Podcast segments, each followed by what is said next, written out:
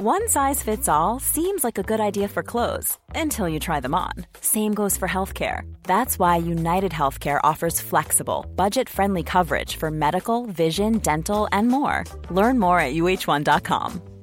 Everyone knows therapy is great for solving problems, but getting therapy has its own problems too, like finding the right therapist, fitting into their schedule, and of course, the cost. Well, BetterHelp can solve those problems. It's totally online and built around your schedule. It's surprisingly affordable too. Connect with a credentialed therapist by phone, video, or online chat, all from the comfort of your home. Visit betterhelp.com to learn more and save 10% on your first month. That's BetterHelp, H E L P. Du lytter til en podkast fra Third Air.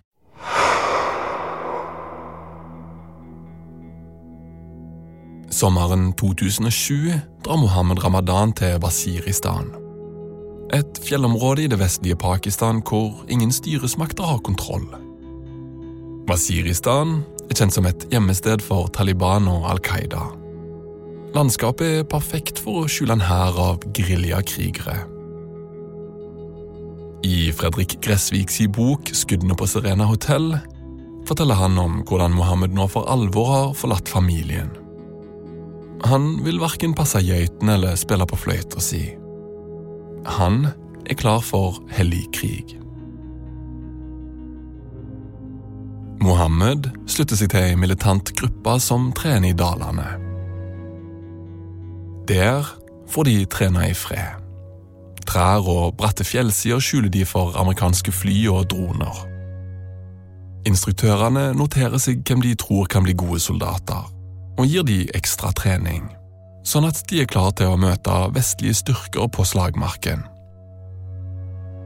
Og så er det de som instruktørene ikke tror har potensial til å møte fienden i åpen kamp. De får romertrening, men av et litt annet slag. De må fortsatt skyte litt med kalasjnikov og kaste noen håndgranater. Men det er én ting til. Det som er det viktige. Hvordan forberede og detonere ei bombe festa på kroppen. For de blir selvmordsbombere. Engangssoldater som har som oppdrag å sprenge seg sjøl og alt rundt de i lufta. Det er denne gruppa Mohammed blir valgt til.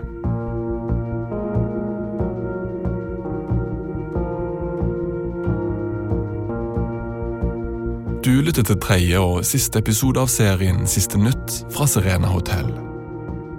Serien er produsert av Nora Brøndseth og Rasmus Spitz. Mitt navn er Lars Kristian Øverland. Og det er Nora Brøndseth som forteller.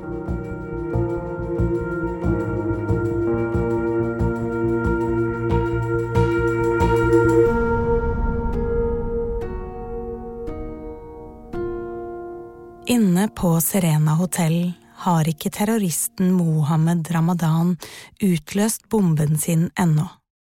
Han går fortsatt rundt i hotellets korridorer, på jakt etter nye ofre, mens de han har skutt, ligger døde eller sårede flere steder på hotellet. En av dem er Karsten Thomassen, som ligger livstruende skadd på det kalde, harde stengulvet i første etasje.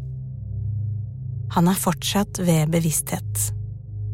Harald sitter ved siden av ham og snakker med han om helt hverdagslige ting, slik at han skal holde seg våken. Og på et tidspunkt øyner de håp, for plutselig kommer fire amerikanske soldater inn på hotellet. En av dem er sanitetssoldat, en som er trent opp til å gi akuttmedisinsk behandling i kamp. Han setter seg ned ved siden av Karsten og hjelper til. Det han først og fremst gjorde, det var å, å få satt en, en, en flon. Uh, slik at Karsten etter hvert kunne få litt væske. Uh, Karsten klaget jo på at han frøs. Han lå jo på et ganske iskaldt uh, betonggulv. Dette her var jo januar i, i Kabul. Det er kaldt. Alle som sitter rundt Karsten, håper at amerikanerne kan evakuere Karsten ut og frakte ham i sikkerhet til et feltsykehus. for de vet at han må komme seg til et sykehus ganske raskt. Jeg så jo at Karsten var i ferd med å gå i sjokk, altså han var blek og svettet. Og så får de plutselig beskjed om å evakuere fordi de da sitter altså de britiske sikkerhetsvaktene på hotellet og går gjennom teipen fra, fra overvåkningsteipen og ser at den ene gjerningsmannen fortsatt er på hotellet. På overvåkningsbildene kan man se at Mohammed Ramadan går rundt i etasjen like over, der Karsten og flere av de norske journalistene er samlet. Like over der den ene amerikaneren nå bistår med førstehjelp. Og når de får beskjed om at det fortsatt går en selvmordsbomber løs inne på hotellet, evakuerer de umiddelbart. Og istedenfor å ta med seg Karsten altså Det er jo amerikanske soldater der. De har med seg en båre. Det er en lege blant dem. Så slenger de den båren til oss og noe infusjonsvæske, og så løper de. Dette var væpnede amerikanske soldater. De har jo ikke noe spesielt ansvar for nordmenn eh, i en slik situasjon. Det er det, afghanske politiet som har. Eh, men de forsvant da ut, eh, og så sto vi aleine med, med Karsten igjen. Igjen er de norske journalistene alene med Karsten, som blir svakere og svakere for hvert minutt. På et tidspunkt begynner Karsten å klage på at han er kald. Eh, det har nok med blodtapet eh, å gjøre, i tillegg til at det var, var kaldt i Kabul på den tiden. Det er januar. Flere av vinduene på hotellet er sprengt i stykker, og Karsten ligger på et iskaldt betonggulv. Selv om Karsten klager over at han er kald, klager han aldri over smerter. Men, men det er nok, eh, er nok, Karstens styrke i situasjonen som, eh, som sitter sterkest i, rett og slett. Og på et tidspunkt ber Karsten de andre journalistene rundt ham om å ta bilder og filme det som skjer, for å dokumentere. Han beholdt jo sin profesjonalitet uh, hele, hele, veien, rett og slett. Det er nå ca. en halvtime siden UD-ansatt Bjørn Svennungsen ble evakuert ut av hotellet. Han ble hentet av en norsk ambulanse, som de nå venter på at skal komme tilbake for å hente Karsten. Men først kommer amerikanske soldater tilbake på hotellet. Og de eh, tilbyr da å fly Karsten med helikopter eh, til det amerikanske feltsykehuset på Bagram. Eh, denne enormt store basen som amerikanerne hadde nord for Kabul. Og det, det takker vi jo i utgangspunktet ja til, selvfølgelig. Så vi får Karsten over på en båre. Og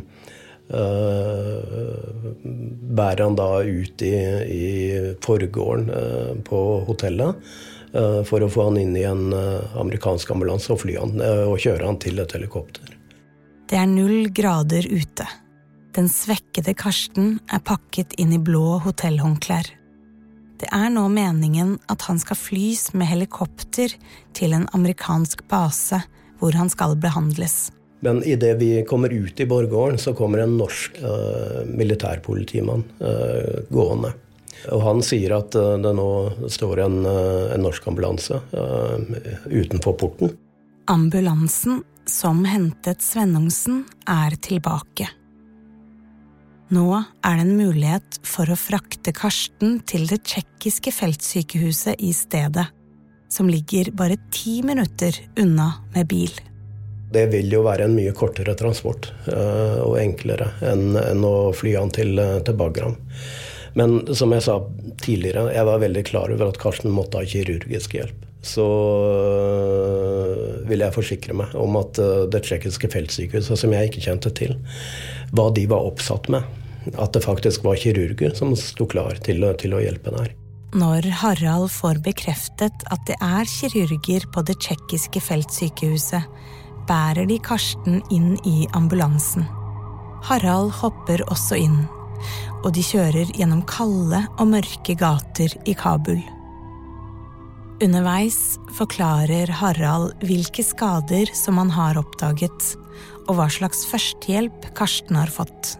Karsten er fortsatt ved bevissthet på dette tidspunktet, og da eh, halvannen time eh, etter at det skjedde. Og når vi kommer til kaia og Karsten blir eh, trillet inn eh på eh, sykehuset, så var jeg utrolig lettet ved at han fortsatt var be bevissthet. Og, og, da var jeg ganske overbevist om at vi, at vi hadde klart det. At han ville klare seg, rett og slett. Harald kan endelig gi ansvaret videre. Han står utenfor og tenner en røyk, trekker røyken ned i lungene. Han ser ned på seg selv og oppdager hvordan klærne hans ser ut. Jeg er jo veldig blodig. alle klærne mine er, er liksom fullstendig blodige. Så jeg får, får noe, lånt noe, noen nye klær eh, og skiftet litt. Og så får jeg vel tatt noen telefoner hjem eh, etter hvert. I leirene i Wasiristan i 2007, året før angrepet på Serena hotell, fikk Mohammed Ramadan vite at oppdraget hans først er fullført når han har detonert bomben sin. Han er en av engangssoldatene som ikke skal vende hjem etter endt oppdrag. Men på et tidspunkt, mens Ramadan har gått rundt på hotellet på jakt etter flere ofre, har motet sviktet. Han har ombestemt seg og forlater bygningen gjennom en nødutgang. I den kalde kveldsluften tar han av seg både politiuniformen og bombebeltet, og legger fra seg kalasjnikoven.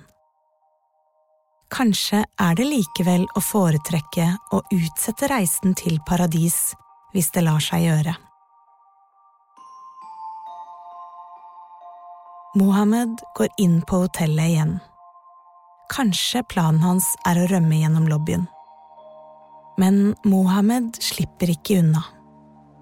En hotellansatt ser han og blir mistenksom, selv om han nå verken har våpen eller uniform. Den ansatte spør hvem Mohammed er, og Mohammed sier at han jobber i oppvasken på hotellet.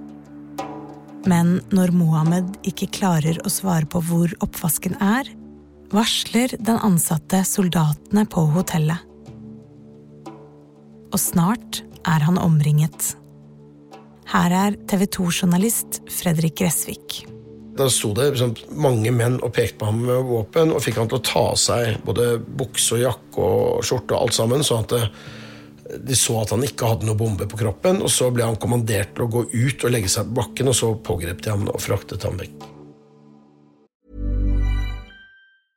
Mother's Day is around the corner. Find the perfect gift for the mom in your life with a stunning piece of jewelry from Blue Nile. From timeless pearls to dazzling gemstones, Blue Nile has something she'll adore. Need it fast? Most items can ship overnight. Plus, enjoy guaranteed free shipping and returns. Don't miss our special Mother's Day deals. Save big on the season's most beautiful trends. For a limited time, get up to 50% off by going to Bluenile.com. That's Bluenile.com. Millions of people have lost weight with personalized plans from Noom, like Evan, who can't stand salads and still lost 50 pounds. Salads, generally, for most people, are the easy button, right? For me, that wasn't an option. I never really was a salad guy. That's just not who I am. But Noom worked for me. Get your personalized plan today at noom.com. Real noom user compensated to provide their story. In four weeks, the typical noom user can expect to lose one to two pounds per week. Individual results may vary.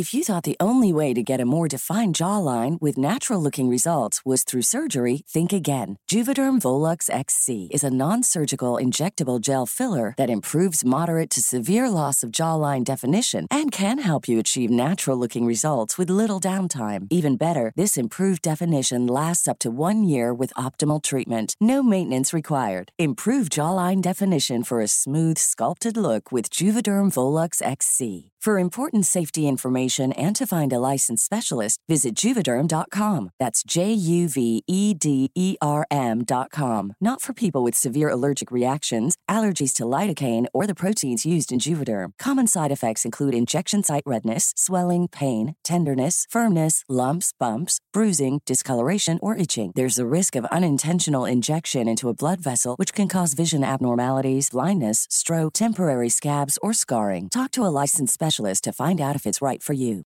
Everyone knows therapy is great for solving problems, but getting therapy has its own problems too, like finding the right therapist, fitting into their schedule, and of course, the cost. Well, BetterHelp can solve those problems. It's totally online and built around your schedule. It's surprisingly affordable too. Connect with a credentialed therapist by phone, video, or online chat, all from the comfort of your home. Visit betterhelp.com to learn more and save 10% on your first month. That's BetterHelp H E L P.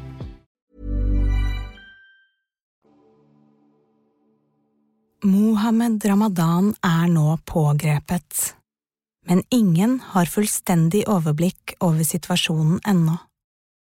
Hotellet myldrer av menn som bærer våpen. Noen av dem i uniform, andre i sivile klær. Utenriksminister Jonas Gahr Støre sitter derfor fortsatt i personalkantinen, hvor han er beskyttet av egne væpnede vakter fra PST. Hit evakueres også etter hvert de norske journalistene som fortsatt befinner seg på hotellet. Vi kom med blodige klær, og, og de hadde jo skjønt en del av dramaet oppe. Eh, men det har jo forklart veldig tydelig etterpå, og det har jo spesielt har Støre sagt det, at han skjønte jo når han så oss, både hvordan vi hadde det og hvordan vi så ut, at eh, det var et drama som hadde vært ganske intenst. Fredrik og de andre journalistene har befunnet seg midt i et drama som få kan forestille seg. Men nå som Mohammed Ramadan er pågrepet, synker adrenalinet litt, og det blir roligere inne på hotellet. De som er samlet i personalkantina, kan begynne å tenke på å ringe hjem til familiene sine. Jeg husker at jeg gikk i oppvasken og ringte hjem til min datter. Og så står Støre ved siden av og snakker med sin sønn. Eh, akkurat for å ringe og berolige si alt går bra, ikke sant? Men det er ikke alle som får telefonene de venter på.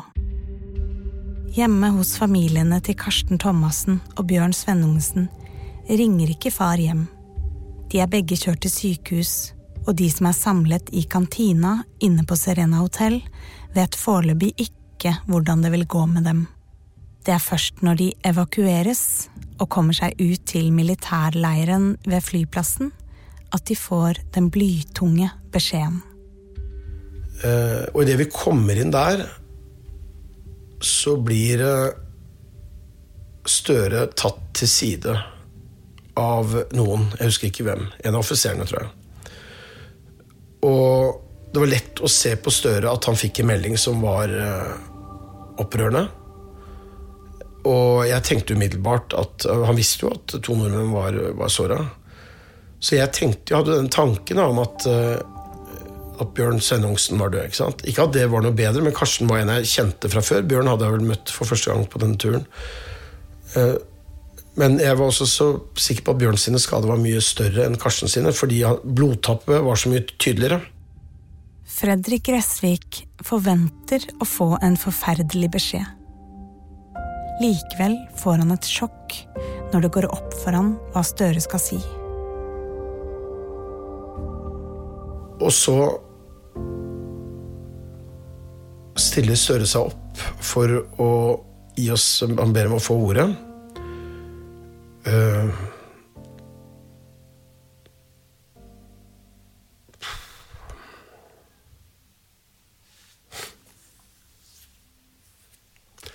Og akkurat når uh, Akkurat når han gjør det, så kjenner jeg at Gry Larsen, som jeg kjente tidligere AUF-lederen og statssekretæren til Støre, legger armen rundt meg. Og idet hun gjorde det, så skjønte jeg jo at det var Karsten som var, eh, som var død.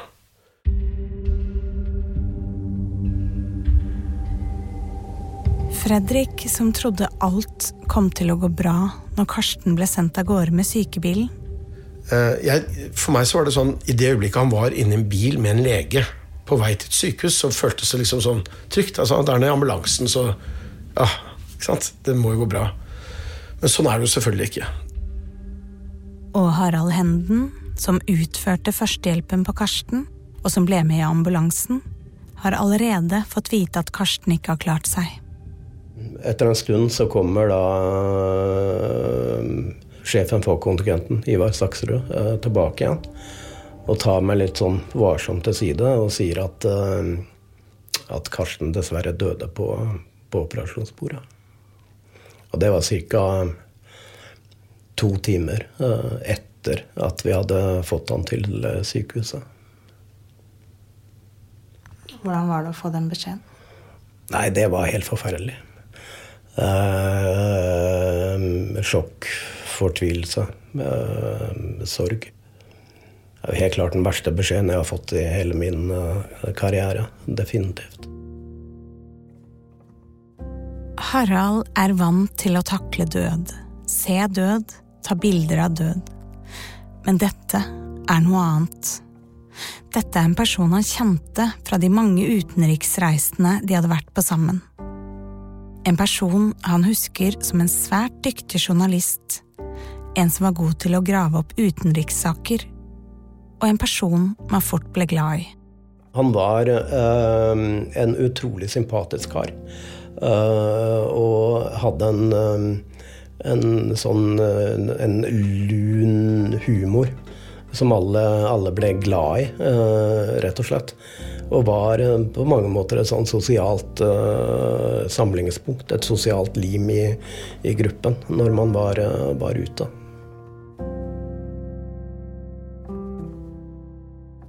Journalistene og Støres delegasjon bruker kvelden på å bearbeide hendelsen. Mange ringer hjem. Men hjemme hos Karstens familie ringer telefonen fortsatt ikke.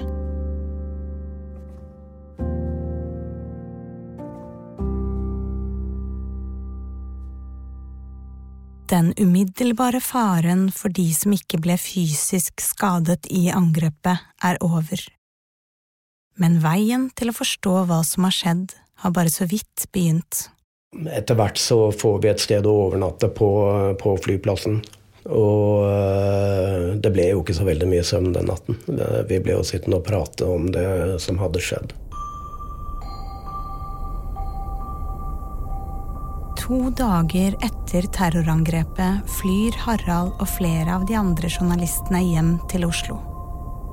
To nære Dagbladet-kollegaer av Karsten flyr den andre veien, til Kabul for å følge kisten hjem. For Harald er det spesielt ett spørsmål som gnager i ham. Men det, det jeg først og fremst var opptatt av da, det var jo Var det noe jeg kunne ha gjort annerledes som gjorde at, at Karsten overlevde? Svaret Harald kommer til etter å ha snakket lenge med et par av Norges dyktigste kirurger og leger, er nei.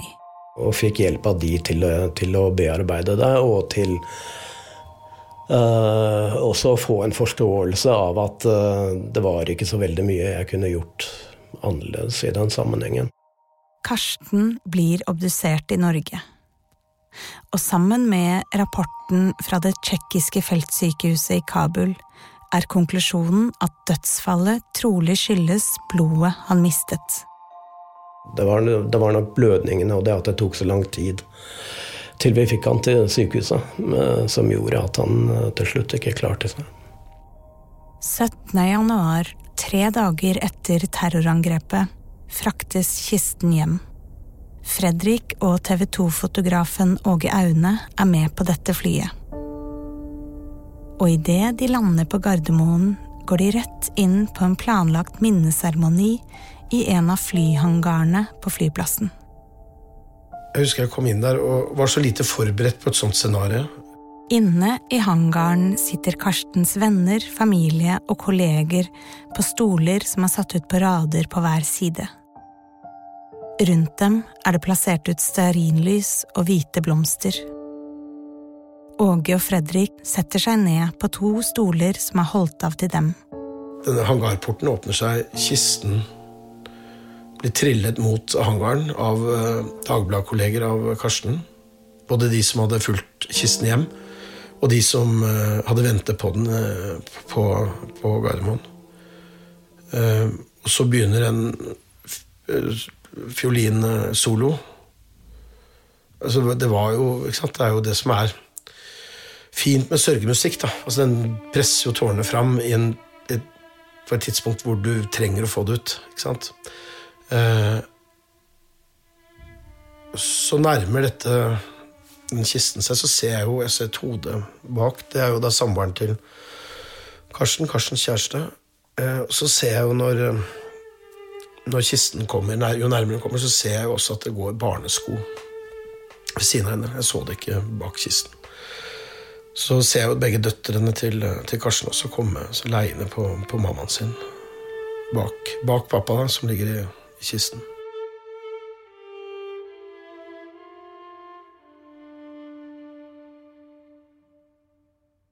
Fredrik ser fram til å dra hjem til sin egen datter i Bergen. Men fra nå av må han være mer ærlig med elleveåringen om farene ved å reise ut i krigssoner.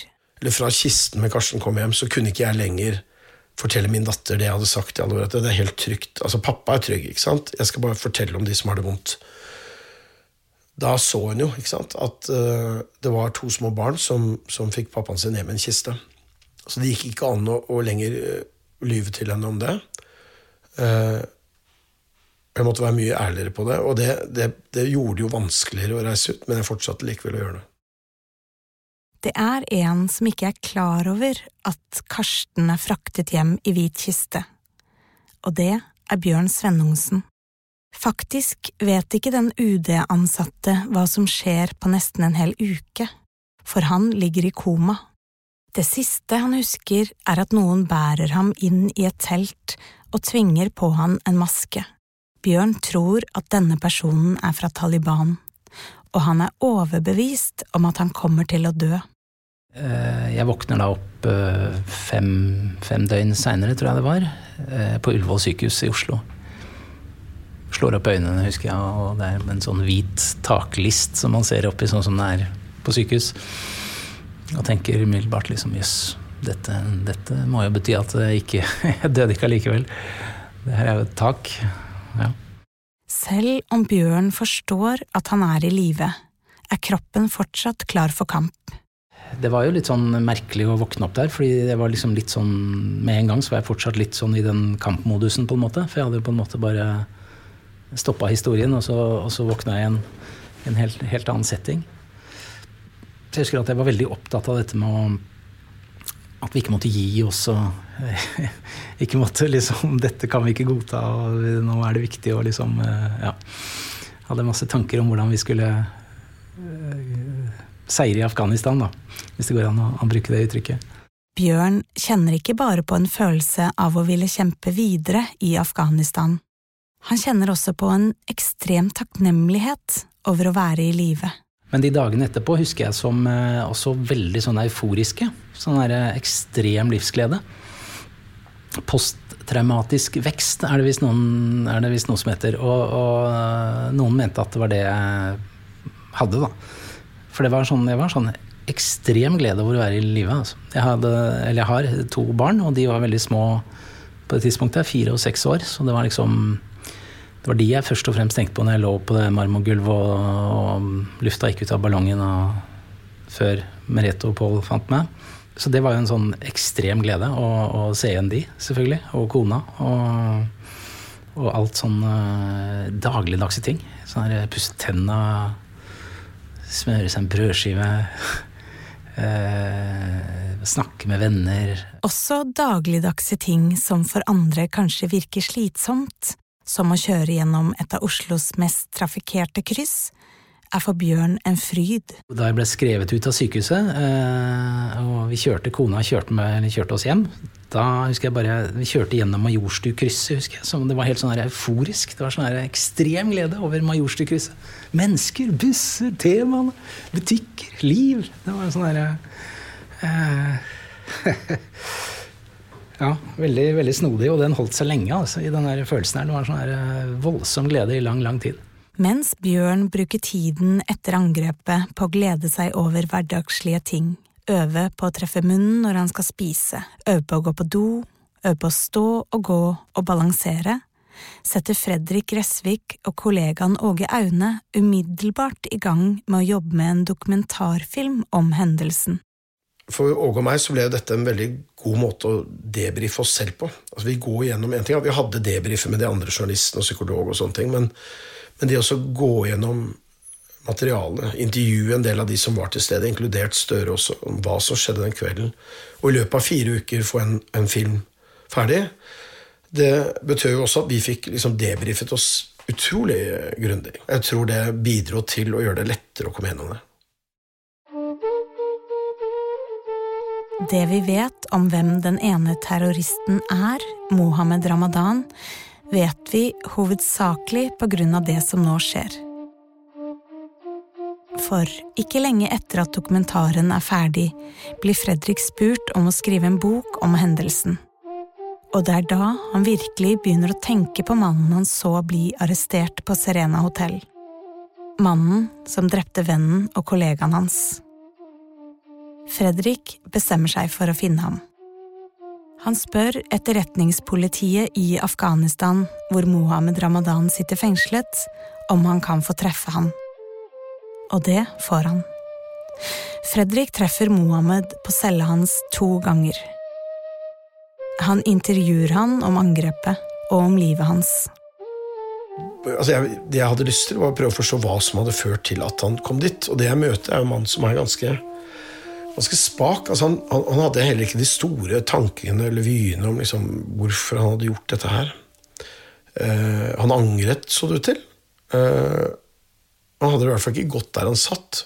Uh, det er ikke det at jeg har noe særlig medlidenhet med ham, eller hadde det, men, men jeg møtte han og snakket med han, og han forklarte hvor han kom fra. Mohammed forteller at han er født og oppvokst i en afghansk flyktningleir i Nord-Wasiristan i Pakistan, på grensa til Afghanistan, og Fredrik bestemmer seg for å reise dit. Igjen for å prøve å forstå hva det er som gjør at en ung mann har lyst til å gjennomføre et angrep sånn som dette her. I flyktningleiren treffer Fredrik en av Mohammeds barndomsvenner. Som fortalte meg om en helt, altså, helt vanlig, snill gutt som vokste opp, men som på et tidspunkt ble radikalisert. Begynte å gå i moskeen mye, og i feil moské, og kom i feil miljø. Og han eh, ble mer og mer sint på amerikanernes okkupasjon av hjemlandet Afghanistan, som han selv aldri hadde bodd i.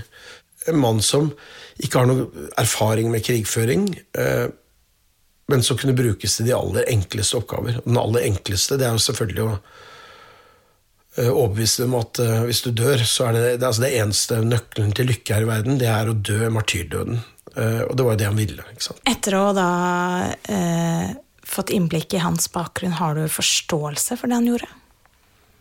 Jeg har forståelse for at folk blir radikalisert, jeg har forståelse for at de blir rasende, og jeg har forståelse for at de lar seg hjernevaske når de ikke har noen bakgrunn som tilsier at de ikke skal forstå det. Noe annet, altså Når, når mullaene, de lærde, forteller at sånn er verden skrudd sammen, at hvis du gjør dette, så er det det beste du kan gjøre med livet ditt, så har jeg forståelse for at det skjer. Mohammed gikk ikke på skole i oppveksten. Den første skolen han gikk på, var en madrassa, en koranskole.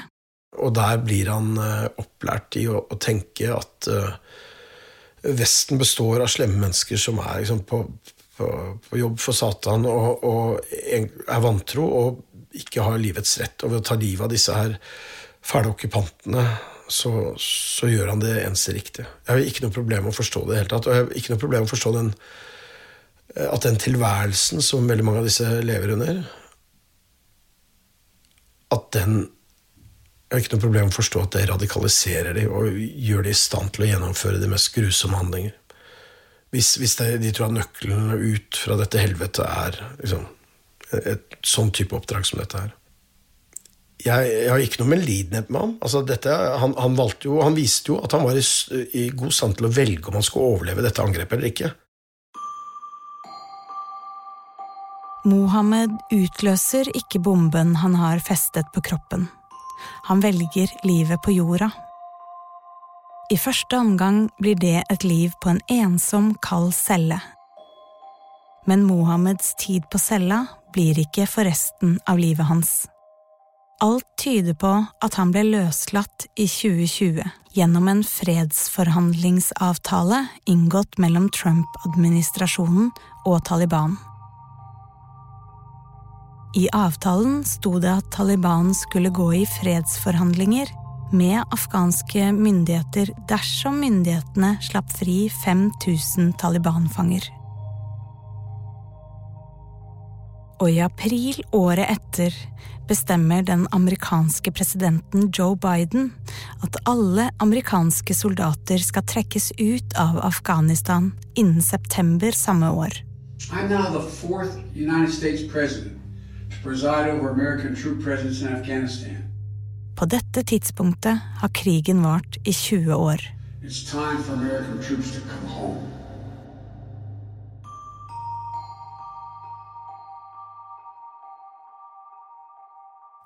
Tretten år tidligere lå Bjørn Svennungsen på Ullevål og prøvde å komme seg etter skadene. Mens han lå der, fikk han en notatbok av kona si, hvor han kunne notere ned alle tankene sine.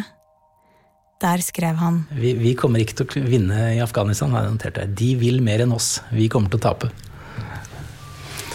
Um, og det, dessverre, stemte jo til slutt. Bjørn fikk rett. Den 15. august 2021 tok Taliban over Kabul. Syv uskyldige mennesker døde etter angrepet på Serena hotell. Og mange flere mistet en av sine aller nærmeste.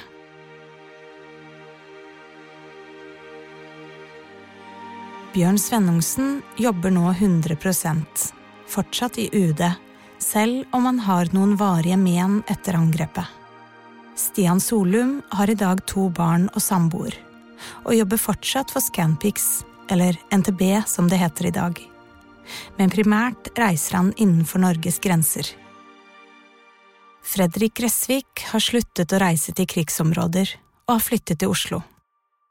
Harald Henden reiser fortsatt ut i områder med krig og konflikt, men har blitt mer forsiktig. Ingenting er verdt en, en personskade, langt mindre død, rett og slett. Det er ingen sak som er verdt det, overhodet. Du har hørt på siste episode av serien Siste nytt fra Serena Hotel. Serien er produsert av Nora Brønseth og Rasmus Spitz, og fortalt av Nora Brønseth. Anne Obel har gjort sluttmiks. Lydlegging av Rasmus Spitz. Eksekutive produsenter på Third Air Studio er David Mehr og Joel Silberstein Hont.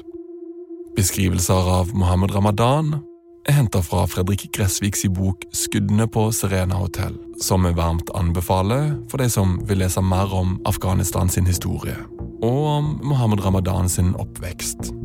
Lydklipp fra angrepet er henta fra Fredrik Gressvik og Åge Aunes sin TV 2-dokumentar Skuddene i Kabul. Andre kilder om hendelsesforløpet og beskrivelser av angrepet er boka I krig og ensomhet. Krigsfotografen Harald Henden skrev av Svein Tore Bergstuen og boka Livvakt, på innsida av PST, skrevet av Simon Solheim. Tusen takk for at du hørte på. Og du, hvis du likte denne serien, blir vi veldig glad hvis du tipser en venn om den.